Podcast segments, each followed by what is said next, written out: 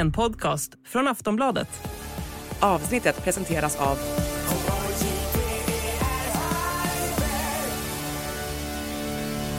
Stödlinjen.se, åldersgräns 18 år.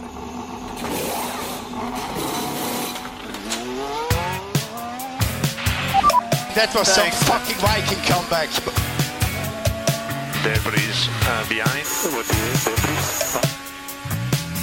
There's something strange with the engine.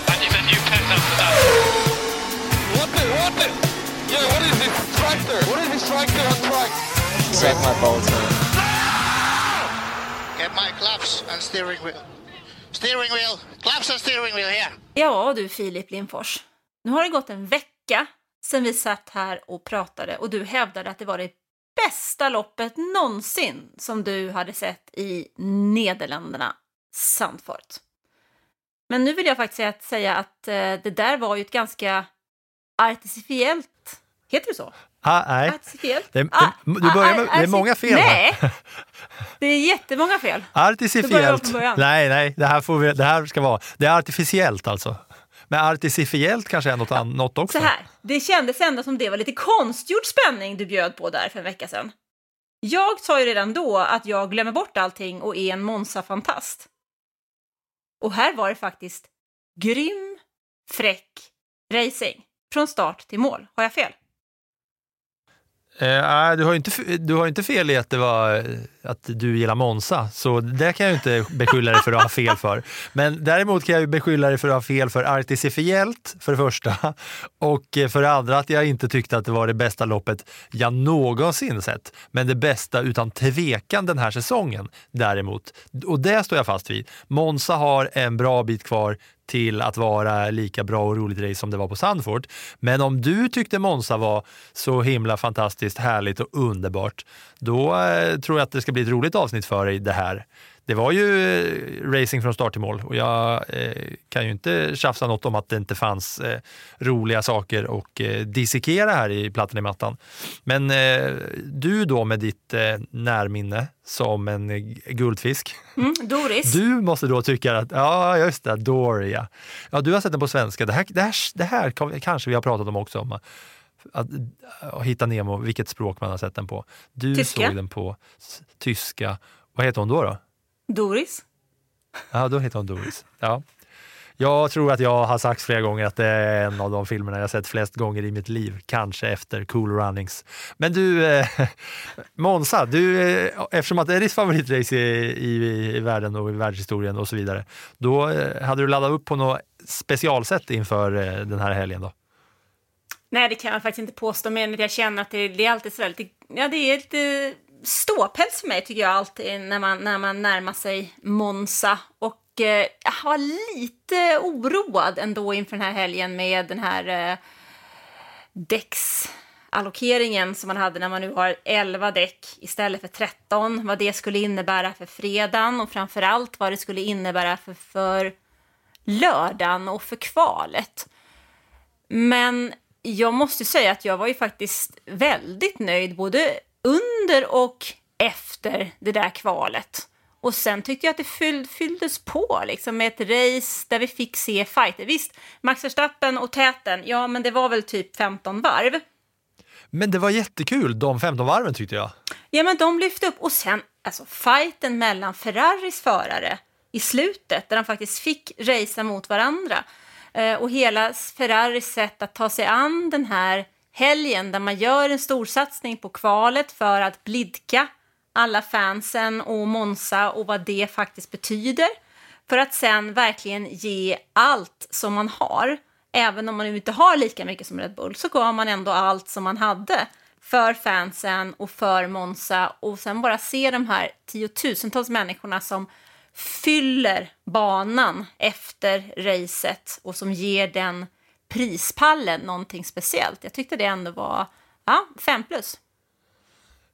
Hade du någon tanke på att hitta något italienskt att eh, sätta på dig på samma sätt eh, som Ferrari och Alfa Romeo kom med lite special liveries inför det här?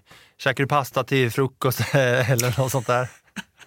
Nej, det, det var ingen pasta till frukost överhuvudtaget. Eh, jag är ingen jättepastavän, måste jag ju erkänna. Vad tyckte du om eh, looken på både Ferraris, eh, Ferrari-förarnas kläder och på bilen då? Ja, men det gula känner vi igen från Ferrari tidigare år och jag tror att det är en liten blinkning med, till Modena som är Ferraris gamla huvudkvarter som också har gult i sitt, stats, sitt vapen. Eh, Alfa Romeo tyckte jag var fräck med den italienska flaggan. Det kändes nästan som att man på något sätt, eh, jag vill säga hej då, med ett härligt, vackert italienskt eh, jubel på något sätt. Och så slutade det med en pinne också för Valtteri Bottas. Jag gillar dem, vad tyckte mm. du? Ja, men jag, tyck, jag tycker att eh, de har gjort det förut, haft specialare där. Eh, förra säsongen var det också eh, riktigt snyggt. Jag tycker att det är synd att det bara är en gång. Att, eh, alltså varje gång de, det är några team som har gjort det de här senaste säsongerna. Red Bull körde ju en vit bil i Japan, jag vet inte om det var förra säsongen eller om det var två säsonger sedan. Den tycker jag också var helt otroligt snygg. Och sen nu både liksom eh, att det blev det blir, det blir något nytt och något, de var snygga både bilarna och framförallt de här gula detaljerna på eh, racingstället när Sainzen och, och Leclerc står på podiet. Det tyckte jag var snyggt och, och det är synd att man inte får se det längre. McLaren gjorde ju någon specialare inför Silverstone där de hade silver på sin kromade bil och, eh, och sådär. Mm. Jag gillar alltid när de, när de smäller till med lite specialare så jag tycker det är lite synd att nu ska de gå tillbaka till det andra. Gula detaljer på Ferrari tycker jag om. Mm. Ja, men rött och gult, det är ju den skånska flaggan. Jag får ju vänja mig vid det. Ja, just det. Ja, där också. Där, där hör ni ihop. Men du, om vi bara tar oss, du, du eh, nuddar på de här däck, som du säger på svenska då, allokeringen. Ja, eh, jag vet inte om jag vågar gå så långt att det är däckallokering. Är det ett svenskt ord eller? Nästan sugen på att kolla upp. Kan allokering vara ett ord? Eh, ingen aning, men jag tycker ja, det känns ja, bra. Ja, jo, Jo du jävel, allokering betyder fördelning, tilldelning. Det används inom ekonomivetenskaperna där man alkol, al, allokerar resurser och kapital till olika ställen och verksamheter. Allokering används också inom statistiken där det innebär att fördela stickprov på olika grupper. Och det är det ju på däcken då, däckallokering. Och det var andra gången den här säsongen som det testades. Är jag helt ute och cyklar? Jag Nej. tror att jag är rätt på det. Det var Ungern första gången när man fick se det live så att säga. Ja, det var ju precis det. Vi såg det i Ungern och vi såg det här. Vi skulle ha fått se det på Imola, men det blev ju ingenting av på grund av det fruktansvärda oväder som drog in där. Men jag tyckte om det i Ungern när vi fick se två Alfa Romeo i Q3. Och jag tyckte faktiskt om det här också. För det blev... Det gav lite extra. Och nu var det ju så att eh, eh, Alfa Romeo, de var, ju, eh, de var ju bra på det där och de var liksom först, först på att hitta rätt känns det som nästan. Alltså, eller de var först med att träffa bullseye i Ungern i och med att de kvalade bättre än vad de någonsin kommer göra igen. Men nu hade de andra börjat eh, hitta segerreceptet där också och Alfa Romeo kom inte så bra som de gjorde i Ungern. Nej, nu såg det jag... lite annorlunda ut. Ja, men det gjorde det. Men jag tycker ändå att man fick, en, man fick ju en ganska kul känsla i det här kvalet. Bland annat så försvann ju två stycken alpin i Q1 av kvalet och det var ändå en alpin som i ditt favoritrace för året då, om jag nu ska vara helt exakt, så stod ändå Gasly som trea där. Och det är bara en vecka sedan. Och här såg de ut som att, jag vet inte, var de ens där? Ja, det var lite så man, så man kände. Ut båda i Q1 och sen i racet som vi ska komma till så såg det ju inte mycket bättre ut. Det såg väl aldrig bra ut riktigt för alpin överhuvudtaget. Men det är så sjukt att det kan gå så snabbt från succé till fiasko. För det måste man väl ändå säga att det är ju ett dundermegafiasko för dem. Och man kände så här att ja, nu var det Safnauer-effekten. Han drog åt helvete och bilarna började köra snabbt. Och så går det en vecka och så kan de knappt köra alls. Nej, men det är ju helt dels är det helt olika banor och helt olika förutsättningar. För här har vi den här eh, däcksallokeringen. Det är ju så att de får då köra med 11 däck istället för 13 som brukligt. De måste köra Q1 på hårda däck, Q2 på medium och Q3 på de mjuka däcken. Och just den här, det här första segmentet med Q1 på hårda däck, det är rätt tufft det är inte helt självklart att man ska gå vidare därifrån. Så att det är ju verkligen, verkligen ett, ett extra spänningsmoment tycker jag. jag. Än så länge så kan jag inte säga att jag hyllar det, men jag kan heller inte säga att jag dissar det fullständigt. Och tanken med det som är att göra F1 mer hållbart för att man ska ha med sig färre däck per stall, i, vilket gör att det blir mindre produktion men också mindre transport och därmed minskning av eh, koldioxidavtrycket. Den är ju god, kan jag tycka. Och kan det tillföra spänning? Ja, varför inte? Ja, men det gör väl det på något sätt för att som du säger, det är så stor skillnad. På många banor så är det ju väldigt, väldigt stor skillnad på hur ett däck uppträder i en viss temperatur och på en viss asfalt och i ett visst väder. Så man måste liksom bry sig om, även om man inte har tänkt en sekund på att köra hårda däck kanske under en racehelg, att man måste ändå anpassa bilen och datan och körningen efter att man måste faktiskt kunna göra en kvart åtminstone på alla eh, de olika däcken. Och det bidrar ju för att det gör ju att det, en bil kan ju se kanon ut på de hårda och ser helt annorlunda ut på de mjuka. Vilket gör att skillnaden mellan Q1, Q2 och Q3 kan ju faktiskt diffa en hel del från att en bil liksom får kämpa precis för att ta sig över strecket till Q2 i och med att de måste köra med hårda och sen kanske, ja, inte är snabbast då, för det är ju alltid Max Verstappen som är snabbast, men vara snabbare än alla andra utom Max i Q2 och Q3 sen bara för att de hårda påverkar på ett, på ett helt annat sätt. Det tycker jag är ganska kul med det. Ja, sen så måste jag säga att jag älskar ju den här avslutningen av det kvalet. Alltså när vi sitter på 67 hundradelar är det väl till slut som skiljer då Carlos Sainz som är snabbast till eh, Charles Leclerc som är trea. Och det vi ska ha med oss, jag fick otroligt många frågor, det kan vi väl lika gärna ta nu tänker jag, vad som hände kring Ferrari och den här eventuella bestraffningen under kvalet. För det kom ju upp då att, att eh, man hade, eftersom man på Monza tidigare haft problem med krypkörning, vilket har gjort att inte alla har kommit ut och kunnat köra sådana varv och det har varit ett himla trassel verkligen och folk har varit vansinniga. Så hade man nu satt en, en tid som man då inte fick eh, överskrida mellan säkerhetsbilslinjen eh, var det väl under ett varv sådär. Så där skulle man ha den tiden. Och då låg Ferrari på gränsen och då kom det ett besked redan i Q1 att hej, hallå, vi kikar på Ferrari.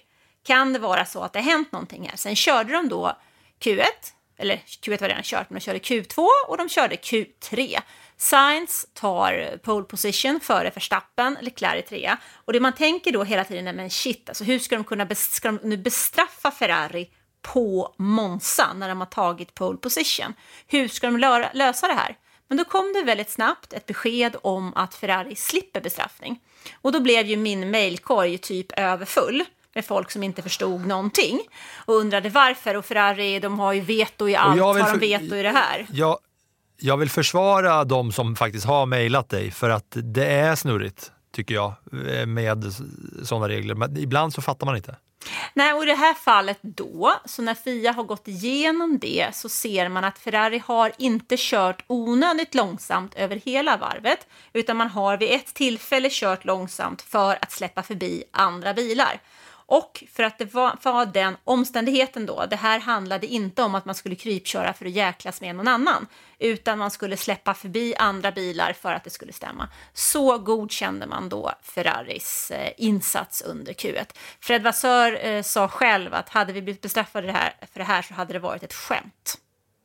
Och då kanske det hade blivit planstormning eh, av eh, på liksom allsvenska mått mätt på, eh, på Monza, om det hade blivit så. Ja, jo, så kan det väl vara. Men jag kan väl känna att i det här fallet så var jag ju väldigt glad över den här Q3 och det hade inte känts rätt att eh, få en bestraffning tre timmar senare och Ferrari blir av med pole position. Det hade ju känts fel någonstans. Vi vill ju så mycket som möjligt väl att racingen ska avgöras på banan och inte vid domarbordet. Tror du det hade någonting med det hela att göra att, eh, att det var just Monza och det var Ferrari eller inte? Alltså nu var det hade ju... det sett likadant ut om det var i Nederländerna? Liksom?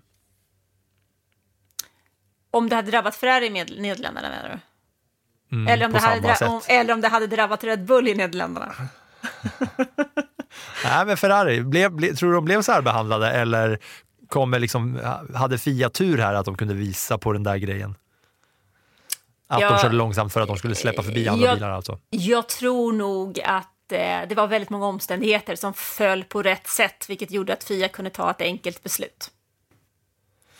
Ja, det var, och det var ju skönt för alla inblandade utom Max Verstappen då kanske som de bryter alltså där eh, Red Bulls pole position streak den här säsongen. De har tagit alla poles, Red Bull. Nej, det har och de nu inte. så var det... Tog inte Nej, Ham- det Hamilton tog Hamilton Ungern. tog ju en pole, ja just det. Just det. I Ungern. Ja, men, i men i princip. Ja, Hamilton tog i Ungern, ja just det. Det var Och så det- länge sedan och jag såg det med mina egna ögon så att jag har glömt bort det. Men, eh, i princip så är det ju Red Bull hela tiden. Det som är lite kul är ju att när vi har haft de här ATA då, så har det ju skett saker och det har skett förändringar och det kanske inte har varit självklart Red Bull hela tiden och det tycker man ju om när man tycker om att se racing och kamp. Mm. Jag vill bara säga här nu för att nu blev jag osäker på mig själv och visst eh, hade jag fel. För att eh, Ferrari har ju haft en pole position, tror jag va? Kan det vara så? Pole sitters, Max Verstappen i Bahrain, Perez Saudiarabien, Max i Australien, Leclerc i Azerbaijan och sen eh, Perez i Miami. Sen var det Verstappen hela vägen från Monaco till Silverstone, eh, Hamilton i Ungern och sen eh, Leclerc på Spa också. Ja, just det. Ah, det var ingen, eh, det var ing, det var ingen streak att bryta överhuvudtaget. Max Verstappen streak på en pole i rad här, Sandvort. Sen blev det Sainzen. Ja, du, det, du, du kallar mig för Doris. ja, det är vi båda nu här. Men eh, vad kul det var för Sainz. Han har ju kämpat på för det här. Han har ju, blivit, han har ju varit jätteduktig nu och han är också jätteduktig. Ja, men det var väl, det var väl jättekul tycker jag. Framförallt tycker jag att det var kul att få den avslutningen eh, på kvalet. Att det var så tajt och det var så jämnt hela vägen. Eh, Allting som inte är förutsägbart är ju roligt, tycker jag. Vet du när det är eh, den här däckallokeringen nästa gång? Det blir faktiskt ingen mer gång enligt de regler som finns just nu, utan man ska utvärdera hur det nu har varit i Ungern och här på Monza och ta ett beslut. Förarna har ju inte varit helt nöjda för de tycker väl att det har blivit för lite körning under fredagen eh, för att de inte har tillräckligt mycket däck att använda. Att de menar på att de tillbringar mer tid i garaget än på banan och det är synd om den publiken som är på plats. Så det ska ske en utvärdering från F1, Pirelli eh, och teamen så får vi se vart detta tar vägen. Men jag är väl eh, försiktigt optimistisk kan jag säga.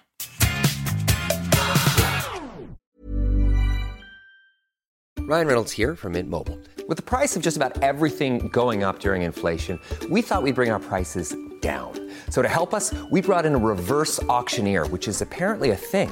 Mint Mobile unlimited premium wireless. Ready to get 30, 30, bit to get 30, bit to get 20, 20, 20, bit to get 20, 20, bit to get 15, 15, 15, 15 just 15 bucks a month. So, Give it a try at mintmobile.com slash switch. $45 upfront for three months plus taxes and fees. Promo rate for new customers for limited time. Unlimited more than 40 gigabytes per month. Slows. Full terms at mintmobile.com.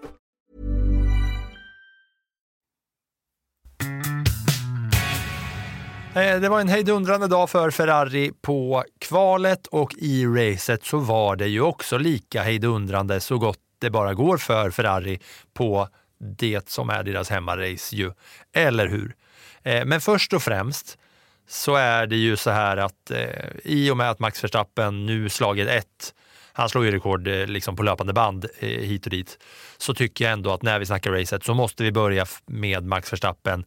För nu har han ändå slagit ett av de, vad ska man då säga, inom kaninöron, större eh, rekorden när han spöar eh, Vettel och Ascari och blir den förare som har tagit flest raka segrar genom hela Formel 1 historia med tio stycken. Och han satte inte bara det rekordet, han bröt även Monza-cursen som det har pratats om en hel del med att om man vinner Monza eh, ena året så eh, DNFar man året efter. Det har gjorts av eh, Gasly och det har gjorts av Leclerc och eh, flera andra, Ricardo också. Och nu eh, var man lite försiktig på Verstappen. Men den krossar han och så blir han den första någonsin på tio raka segrar. Så vi måste börja med Max Verstappens eh, prestation. Ju. Ja, det måste vi. Alltså, jag har funderat mycket på det här fram och tillbaka över just de här tio segrarna. Alltså tio segrar i rad är otroligt bra. Um, och jag har fått många frågor om, ja, är han nu bäst i historien? Men jag har, jag har lite svårt för det där. Dels är det svårt för att jämföra olika typ, alltså olika förare från olika generationer. Förare som har kört mot olika motstånd. Alltså det är också så att Max Verstappen är överlägsen alla. Inte bara sina konkurrenter utanför teamet, utan han är också överlägsen Sergio Perez. Vi får ibland lite kritik för att vi menar på att Sergio Perez inte är tillräckligt bra. Han ligger ändå tvåa i VM, det gör han absolut. Men det är ju inte samma fight mellan Max Verstappen och Sergio Perez som vad det var mellan exempelvis Lewis Hamilton och Nico Rosberg. Det är inte heller samma fight mellan Verstappen och Sergio Perez som vad det exempelvis var mellan, låt säga... ja, men Hamilton Bottas, Hamilton, Ham, nej, men Hamilton Bottas också. Ja, men där och när har, vi är inne, vi... inne på det här. Ja, säger du. Ja, men där har vi ju bara, alltså där sätter vi bara Hamilton, men jag tänker också på när Vettel körde i, mot Mark Webber exempelvis i Red Bull. Det var också en helt annan typ av fight. Plus att nästa sak är att här är vi ju, alltså vi har så otroligt många lopp. Vi kommer att köra 22 lopp i år. När Ascari körde sina nio segrar efter varandra så körde han väl typ åtta lopp på en säsong. Eh, när Vettel gjorde det så var det inte heller, det var inte ens 20 lopp på den tiden. När Michael Schumacher vann sina sju så var det också betydligt färre lopp. Så jag tycker att det är väldigt svårt att sätta en, säga att han är bäst i historien. För att just det här som han gör, det är ju otroligt bra, men det beror ju också på olika omständigheter och en av de omständigheterna är att det är fler lopp. En annan är att han är överlägsen sin teamkollega och den tredje är att hans konkurrenter faktiskt är rätt dåliga i förhållande till Red Bull. Han är han kör ju i en egen liga. Nu sitter vi och jublar över att Carlos Sainz håller in här i här i 15 varv typ. Men sett till hela säsongen så är det ju ett mästerskap för Verstappen och ett mästerskap för, för resten. Och i det mästerskapet för resten ingår ju också Sergio Perez. Han är ju en del av det. Så därför tycker jag att det är svårt. Jag tycker att det är fantastiskt bra gjort, men att säga att han är störst genom tiderna, nej, det kan jag inte göra. För, för mig, det kan vara en annan sak för dig, men för mig så är det också viktigt tycker jag, att vinna en VM-titel med olika team. Det tycker jag är viktigt, att en förare har vunnit med flera olika team och gjort flera saker och lyckats på många ställen. Det tycker jag är viktigt, men du kanske tycker något annat? Och det, och nej, det gör jag absolut inte.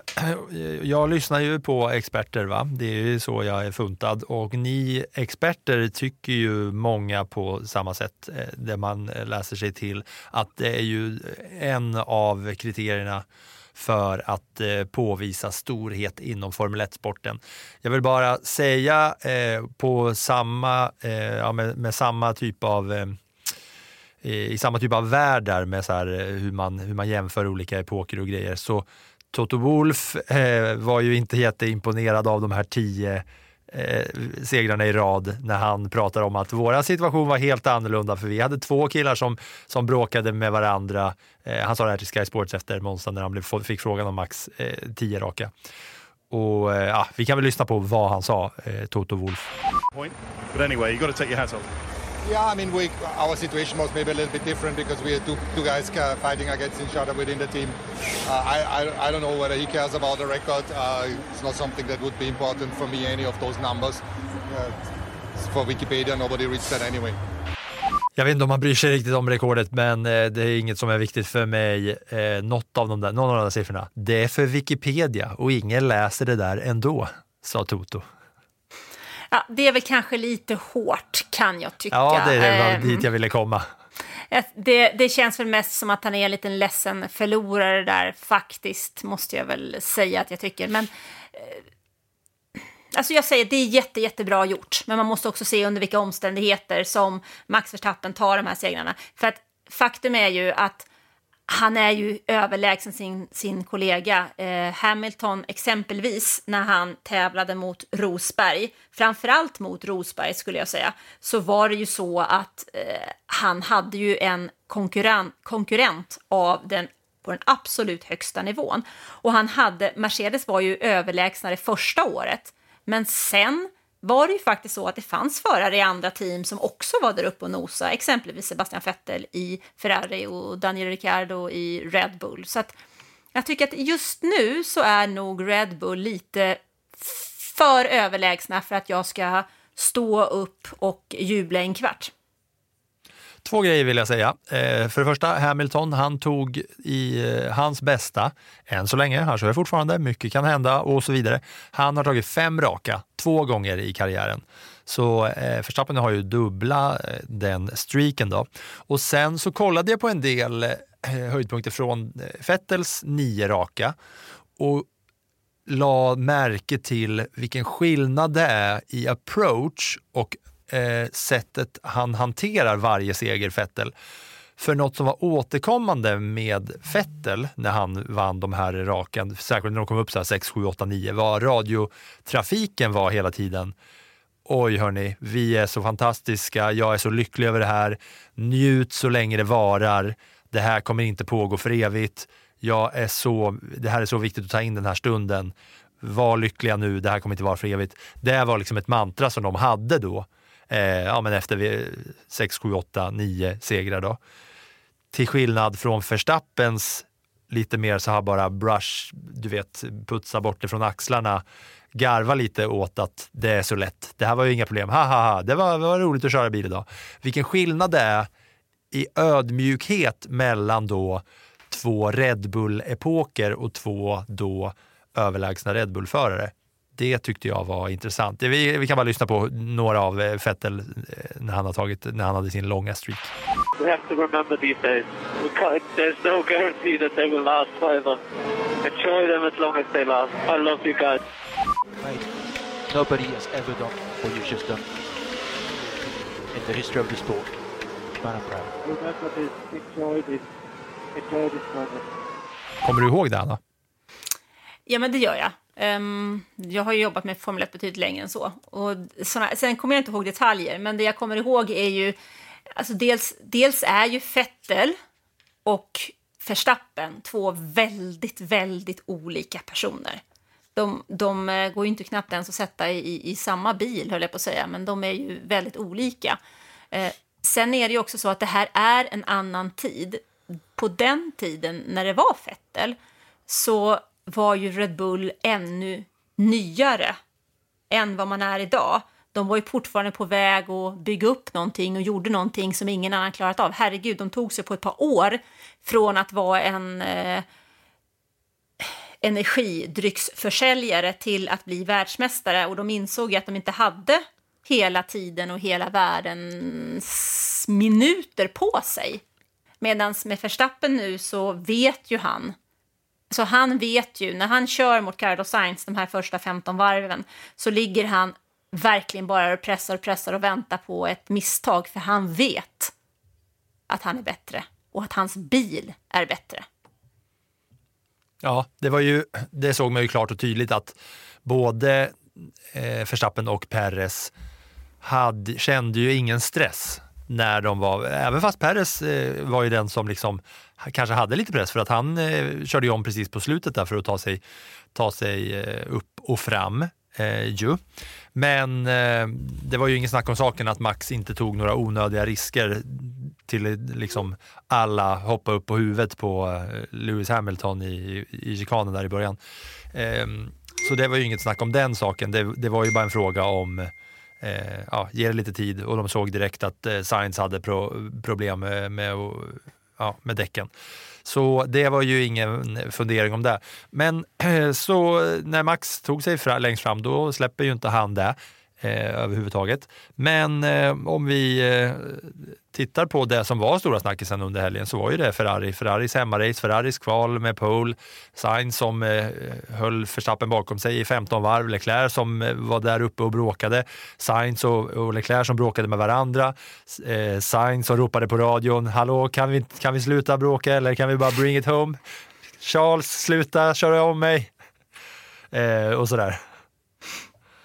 Jo, men det var ju en, det var ju en Ferrari-helg på något sätt och jag kan tycka att det är okej att det är en Ferrari-helg på Monza. Det är inte så att de har så många andra helger direkt nu för tiden. Det var ju en annan sak för 20 år sedan när alla helger var Ferrari-helger. Mm. Men eh, vad kul det var att se att Ferrari vara med där uppe, för att det har de ju inte varit så länge. Det är sjukt att deras grej har ju varit att de har kört bil med mycket downforce, de har varit bra i långsamma partier, men här kommer vi till den snabbaste banan, en av de snabbaste banorna på kalendern och de har eh, lite att sätta emot för en gångs skull. Det var ju ändå så här, visst att de satsar väl lite extra på hemmaracet och eh, allt sånt där, men lite oväntat på den här typen av bana, eller? Ja, men det var det nog innan. Samtidigt så vet man ju att Ferrari och Monza, det är ju något speciellt. Alltså det där är det viktigaste racet på hela året. Alltså Imola är viktigt, men Monza är nästan ännu viktigare. Det är, det är allt för Ferrari och där ska man ju visa upp så att de gör ju helt rätt så som de tar sig an den här helgen. Och det kan jag tycka att det är lite lovande ändå att de eh, finns med där uppe så får vi se vad det ger. För att det är ju så här, det är lätt att säga nu att ja, men jag tror att eh, Red Bull vinner alla race för så som det ser ut så ska Max Verstappen inte kunna förlora något race. Samtidigt så är det så att när han har kört hem en VM-titel så vet vi inte riktigt vad som händer med hans motivation. Det såg vi ju i Brasilien i fjol till exempel när Russell klev upp och tog sin första GP-seger. Så att det finns ju ett liv efter en titel och vad händer då? Och redan nu så är det så många team som jobbar hårt för att hålla en placering i årets mästerskap men också för sin satsning till 2024. För de kan ju inte bara släppa det är lite tidigt än att säga att men vi struntar i de här åren fram till nästa motorreglemente 2026. De måste ge det lite till. När vi börjar närma oss 2025, ja men då får vi se. Då kan det, det kan bli en sån säsong. Antingen blir det en sån säsong som vi hade 2021 när alla är i kapp. Eller också blir det en sån säsong när man säger att men strunt i Red Bull, vi gör allt för 2026. Men 2024 tror jag att det är för tidigt. Ja, Eh, det var i alla fall kul att se för att det var ju så att, eh, jag kommer inte ihåg vad det var de sa till eh, Leclerc där mot sista varvet för att Leclerc var ju riktigt sugen på att köra om Sainz. Det var ju ett par varv där som eh, det mycket väl skulle kunna smält mellan de båda och radiotrafiken som var så här var ju liksom eh, ja, i princip no fighting mellan. Hörni, kom igen, lugn, lugn, lugn. Mm, vi vill ha det... båda bilarna i mål här. Men det skulle kunna, alltså hade Leclerc fått göra som han ville då utan att lyssna på teamet, då hade det kanske smält. För att eh, Sainz är ju inte känd för att ge plats åt någon annan. Han är ju lite klumpedunsig i, när han försvarar. Ja, samtidigt så tycker jag att på något sätt de, de uppskattade ju den där fighten båda två och jag tyckte att de skötte det oerhört bra och oerhört snyggt. Men det jag ändå kan säga att jag tänker faktiskt på det när, när Verstappen kör om Sainz. Så som den omkörningen och vägen fram till den omkörningen hanterades nu, hade han inte gjort det för säga fyra, fem år sedan, då hade Verstappen kraschat i det läget. Nu har han två VM-titlar, han har ett betydligt bättre självförtroende, han har lärt sig väldigt, väldigt mycket, så det var ju en helt snygg, ren körning. Men jag tror att den yngre Verstappen hade smält där. Ja, det tror jag också faktiskt. Um, men jag tyckte ändå det var kul att se. Sainz kommer ju trea här. Det är ju, Verstappen blir ju etta efter att ha kört om Sainz på, eh, efter 15 varv. Sen så låg ju Sainz bra till länge innan Perez körde om honom mot slutet. Perez blir ju tvåa och Sainz blir trea, Leclerc fyra. Men jag tyckte ändå Sainz bjöd upp till dans mot båda Red Bull-bilarna eh, när han väl försvarade mot dem. Men det tycker jag absolut att han gjorde. Jag tyckte det var kul att se. Det var eh, många fina plus i min bok. Jag gillade det här racet för att det hände så mycket. Det var så många fighter om så många placeringar. Det var under en tid också fight om ledningen. Och det var det jag menade. I, I eh, Nederländerna så var det regnet som gjorde att det blev spännande. Här var det bilarna och de tävlande som såg till att racet blev spännande. Mm. Om vi går till McLaren då, som eh, vecka efter vecka är ett team som man snackar om, så såg det ut som att de ändå eh, efter en liten tuff eh, start började få ordning på det där igen. Men sen small det mellan Piastri och Hamilton när de där båda bilarna gick ihop. Va? Något som kändes som att det där är synd om Piastri och det är Hamiltons fel. Ja, men det tog han ju på sig också. Det var ju Hamiltons fel. Det var ju inget snack om saken. Eh, den som var den skrattande i den här där situationen, det var väl Valtteri Bottas som fick en tionde plats till skänks och en otroligt viktig poäng för Alfa Romeo. Men det är klart att det är synd om vår vän Oscar Piastri i det där läget.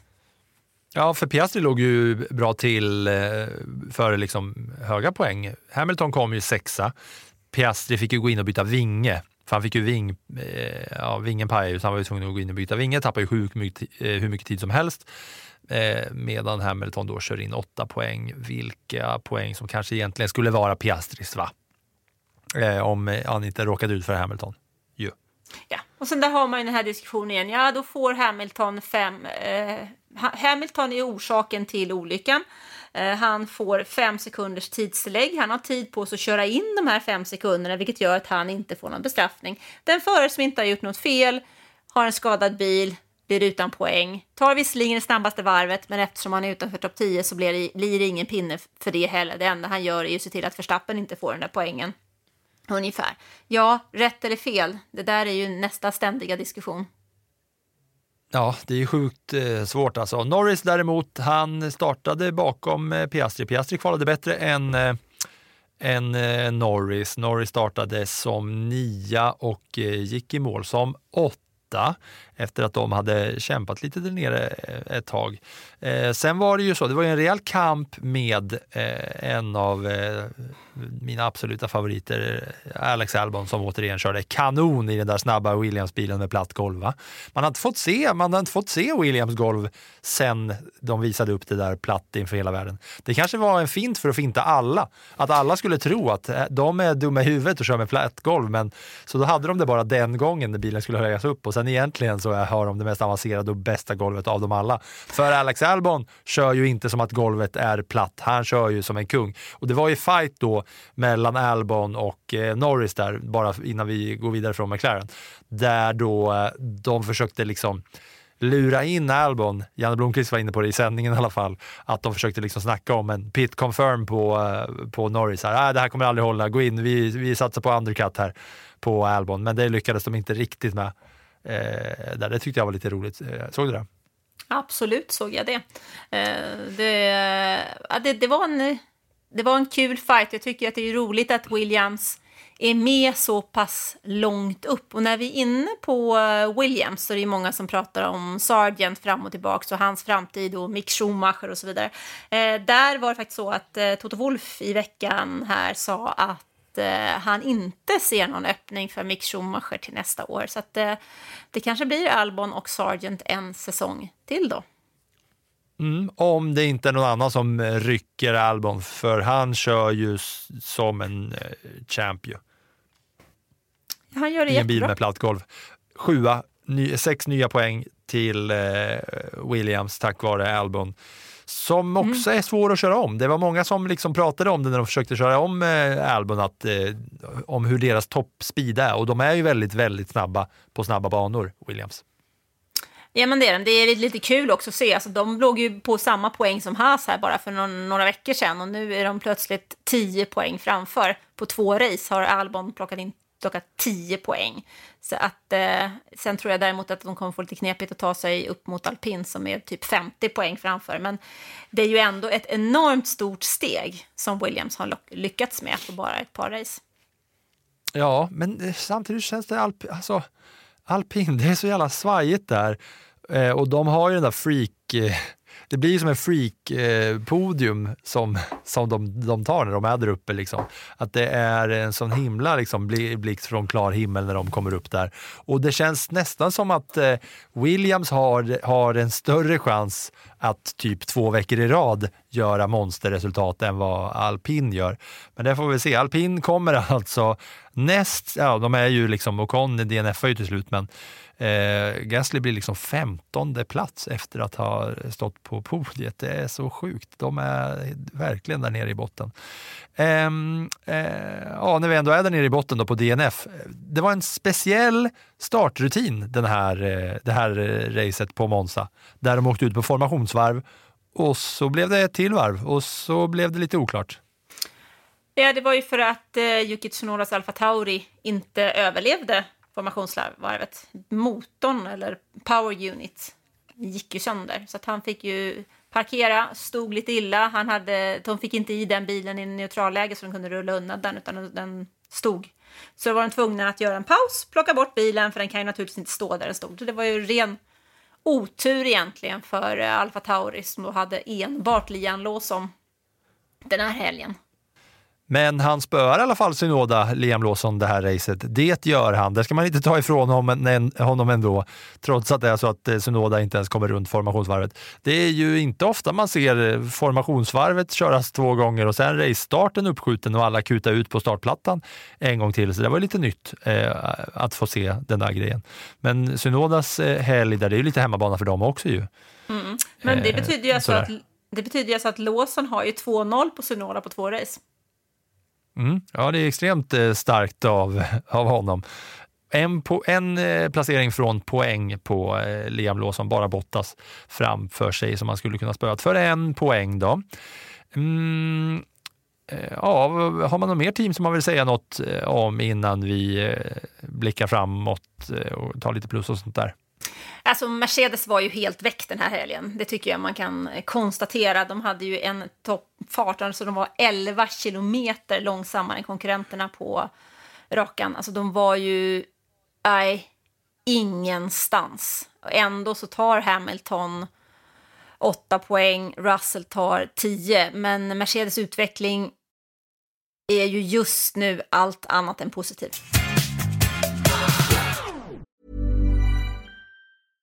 Hey, I'm Ryan Reynolds. At Mint Mobile, we like to do the opposite of what Big Wireless does. They charge you a lot, we charge you a little. So naturally, when they announced they'd be raising their prices due to inflation, we decided to deflate our prices due to not hating you. That's right. We're cutting the price of Mint Unlimited from $30 a month to just $15 a month.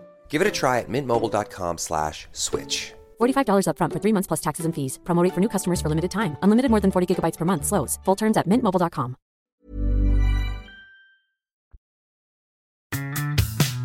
Nu kan vi väl eh, bara rabbla eh, poängen. Jag har varit inne på ett par stycken här, men jag, låt mig rabbla då.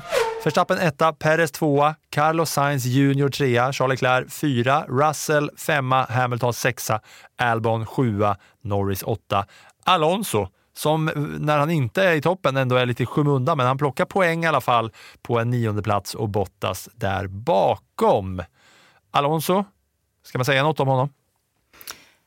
Vad, ska, vad, vad, ska man säga egentligen om det teamet? Det är ju inte alls den utvecklingen som man hade hoppats på till den här helgen. Efter hans fina pallplats förra veckan så hade ju Aston Martin naturligtvis hoppats på betydligt mer. Men eh, han gör ju ändå det som han kan med den där bilen. Värre är det ju med hans kollega. Lance Stroll hade ju en tuff helg måste man säga. Alltså när han inte får köra PF1 eh, utan den kör ju Filipe Drogovic. Eh, anledningen till det är ju att teamen måste sätta in rookies vid två tillfällen under säsongen och har man inte gjort det nu så måste man börja göra det nu.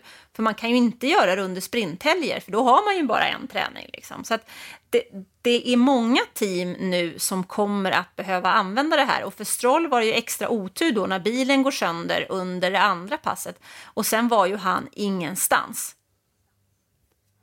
Nej, han hade det eh, tufft, Strollen. Han eh, kom alltså på 16 plats och hade bara Hulken och Magnusen i de båda hasbilarna bakom sig, Lance Stroll. Men eh, ändå eh, Alonso konsekvent. Nu vill jag att du eh, sätter plus på Monza-helgen.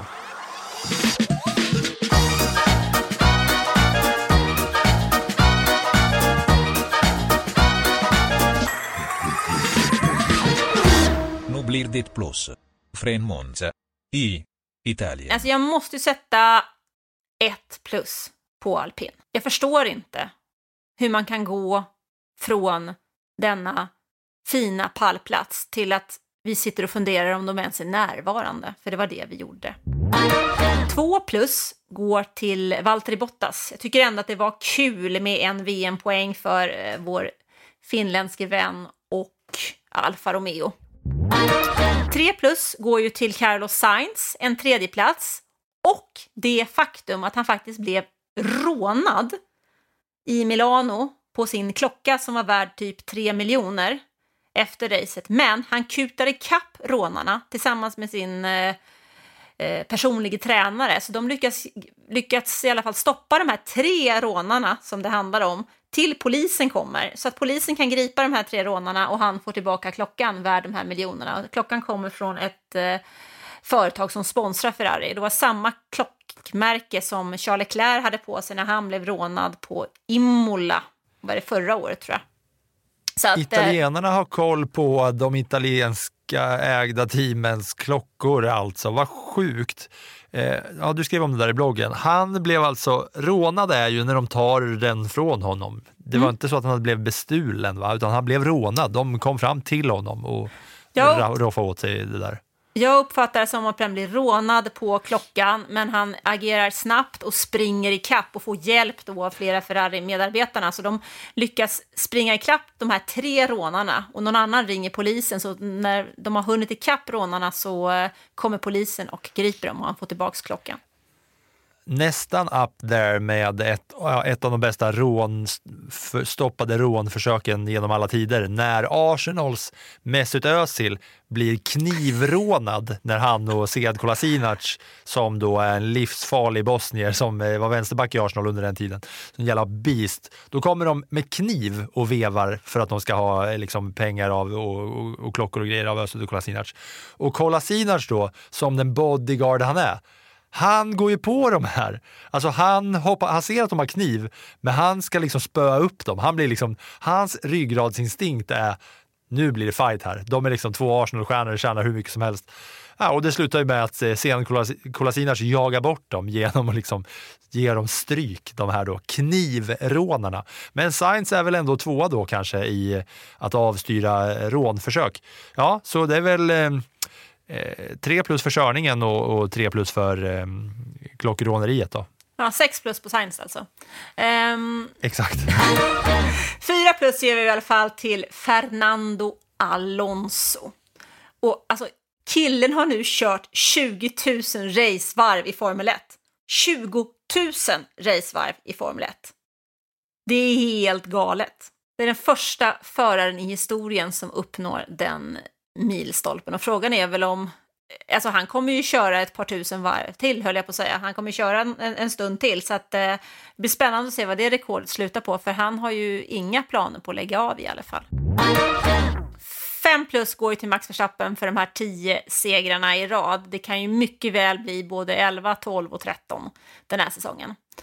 Eh, sen får vi lägga till ett motorstopp. Och störst motorstopp av alla, det får ju faktiskt Daniel Ricciardo som bröt ett ben i handen under Nederländernas GP. Han körde därför inte i helgen. Och idag kom det besked från Christian Horner att den här comebacken kan dröja så långt som fram till deltävlingen i Qatar, första helgen i oktober. Det är ju otroligt lång tid. Ja, det är inte bara pyspunka, det är ju bokstavligen motorstopp. Han stänger av motorn för i princip hela den här säsongen, Ricciardo, eh, efter det där, den korta lilla uppvisningen i Alfa Tauri. Så ja, det är ju verkligen dundermotorstopp för honom. Mm. Alltså det är två race kvar till dess. Det är ju då deltävlingen i Singapore om två veckor. Den är ju fruktansvärt fysisk. Eh, så det är ju helt otänkbart egentligen. Alltså när man hör vilken typ av skada det handlar om. Att han ska kunna köra en, en F1-bil i två timmar med de kurvorna i den hettan i den, med den belastningen och skaka runt där på stadsbanan, stadsbanan. Det har jag svårt att tänka mig. Och därefter kommer Japan som också är en fysiskt väldigt krävande bana. Så att, eh, ja, det kanske är då Qatar som är nästa. Mm. Tack för plussen, Anna. Nu eh, ska ni få lite småstads här.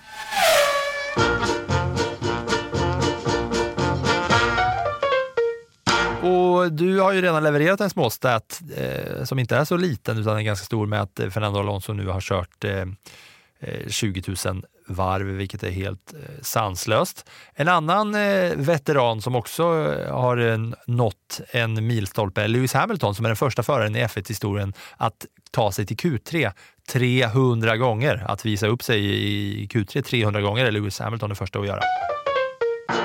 Och så lite Red Bull och eh, Max Verstappen. Då. Det går inte många sekunder utan att de slår nya rekord. De är det första teamet att vinna 15 i rad, samtidigt som Verstappen, som vi har pratat om, är första att vinna 10 i rad.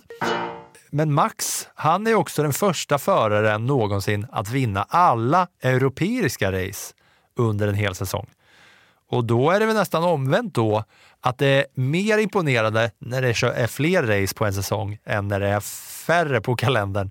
För då har han sett till att liksom sweepa rent mer, eh, skulle man kunna säga. Alla race på, i Europa har eh, Max tagit och i och med detta så blir han också den första att vinna alla klassiker under en säsong. Om man då räknar Monaco, Silverstone, Spa och Monza till eh, klassikerna. Där har jag väl inte missat någon som är en klassiker, va?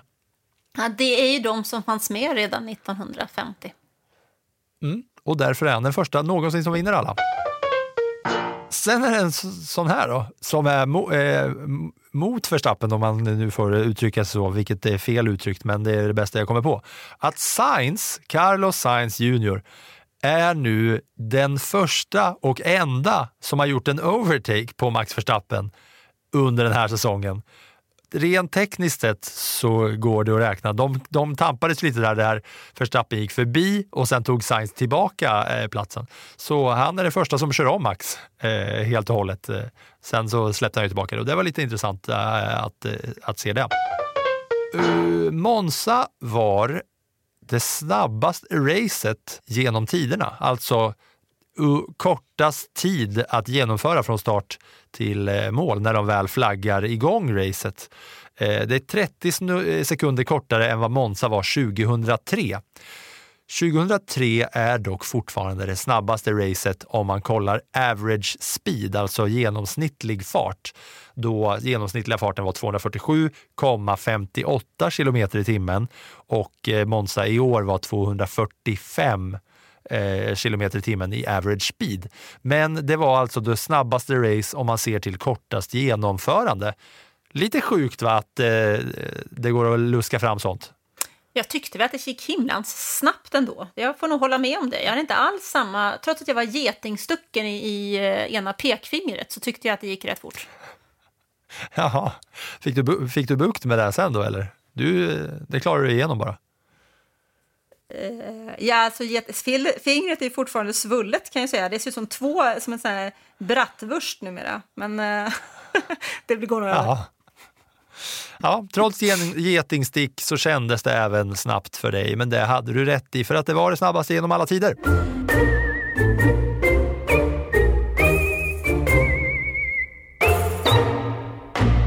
Och innan vi säger tack och adjö för den här veckan så är det ju även så att Eh, Dino Beganovic i Formel 3 har kört sitt sista race för säsongen och om man får fråga Dino själv, förhoppningsvis hans sista race i F3 någonsin eftersom att han vill upp en nivå till Formel 2.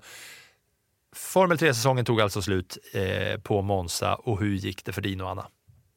Ja, det var ju ett kaotiskt kval, mycket rödflagg och Dino fick sin tid struken för att han var ut över den här vita linjen, track limit, som vi alla känner till.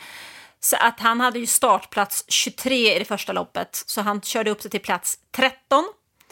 Och i det andra loppet så tog han målflagg som nia. Um, så att tyvärr så ställde ju kvalet till det väldigt, väldigt mycket. Hans eh, stall Prema vann teammästerskapet och han själv slutar säsongen som sexa. Eh, jag tror Vilket ändå att... är bra som rookie alltså. Ja, han är tredje bästa rookie. Han tog fyra pallplatser, varav en i Monaco. Men jag tror ändå att han är lite besviken över den avslutningen som han har haft. Så vi får se här vad vintern bär med sig eh, och framtiden då för vår svenska Ferrari Junior.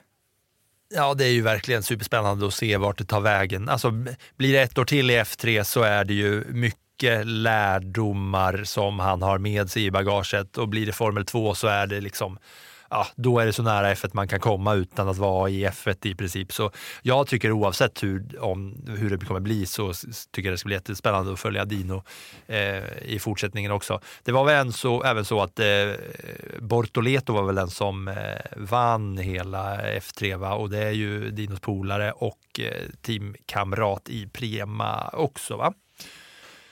Så vi får väl säga, eh, ja, även fast Dino inte känner att han vill ta emot ett grattis ändå för att han, hade siktat, han siktade högre upp, så är det väl ändå väl genomfört eh, första säsongen i Formel 3 av Dino Beganovic. Men det får vi väl säga tycker jag. Och när det gäller Indycar så tycker jag att vi tar ett rejälare snack om det efter Mm, nästa vecka när de har kört finalen kommande helg. Alex Palou är redan mästare, men det finns en hel del att snacka om när det gäller Rosenqvist, Eriksson, Blomqvist och Lundqvist. Ja, många kvist, kvistar hit och dit. Så nästa vecka så kommer vi blicka framåt mot Singapores GP. Vi tar oss en koll på alla svenskar. Det är ju en rejäl bunt i, i Indycar nu. Eh, och så eh, tar vi lite nyheter och lite annat smått och gott nästa vecka. Men nu avslutar vi det här avsnittet och sen så säger vi tack och hej. Tack och hej. Tack och hej. That was Thanks. some fucking Viking comeback. Debris uh, behind. There's something strange with the engine. And you then you pet after that. What the? What the? Yeah, what is this tractor? What is this tractor on track? Check my Bolton. Get my claps and steering wheel. Steering wheel. Claps and steering wheel here.